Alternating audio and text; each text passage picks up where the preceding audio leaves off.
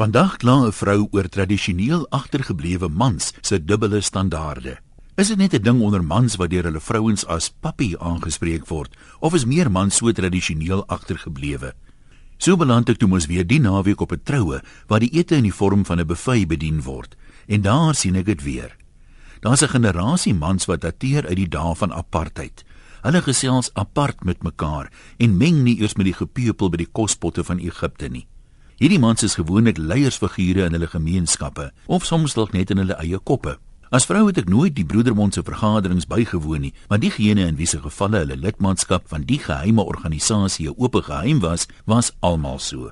Hulle baaskap het hulle lamlendig gemaak tot die punt waar hulle nie eers meer selfversorgend kan wees nie.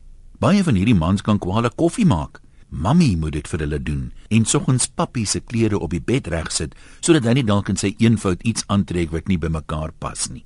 As mamma haar liefde en onderdanigheid wil uitdruk deur in die privaatheid van die slaapkamer selfs haar man se onderbroek en sokkies te kies, laat dit dan so wees. Maar by 'n troue ontwikkel papi mos ronde handjies in die openbaar. Hy kan nie eers sy eie bord vashou en self in die ry staan om by die buffet op te skep nie. Mamy weet mos eintlik beter as hy self wat hy eet en nie eet nie. Dis seker ook maar goed en wel as dit dan benede hierdie mans is om self op te skep, maar jy kan maar kyk.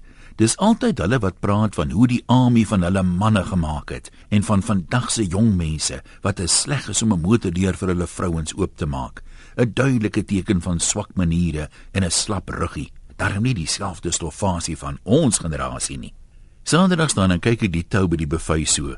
Voor my is 'n jong man wat vir sy vroutjie 'n lekker stukkie hoender in die bak uitsoek en in haar bord skep. Ek weet mos hoe lyk jy die wit vleis sonder bene. By die huis kan 'n mens se boutjie nog lekker afeet, maar hier sê dit aan die MC seker dat frons, sê hy. En ek dink by myself, dis mos nou 10 keer meer bedagsaam as om vir jou vrou 'n kar se deur oop te maak. Dink die slapgat oomies aan glad nie daaraan dat dit byna onmoontlik is om sonder 'n gesukkel twee borde kos gelyk vas te hou en in te skep nie. Hoekom verwag hulle dit dan as hulle konsui sulke galante here is? En dankbaarheid?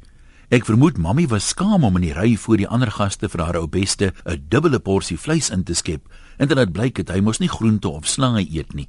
Want toe sy die bord voor hom neersit, laat hoor hy ergerlik: "Ag nee, mammie, jy weet mos ek is nie een vir blare nie. Net bokke eet blare." As vrou maak ek veel eerder my eie motor deur oop voor ek moet sukkel om 'n vol finies man se kos in te skep. Hoopelik sterf hierdie gebruik spoedig uit. Waar kom hierdie dubbele standaarde met goeie maniere in elk geval vandaan? Of sien meer mense dit dalk raak as jy 'n motordeur oopmaak? Groete van oor tot oor. Mevrou Antoniem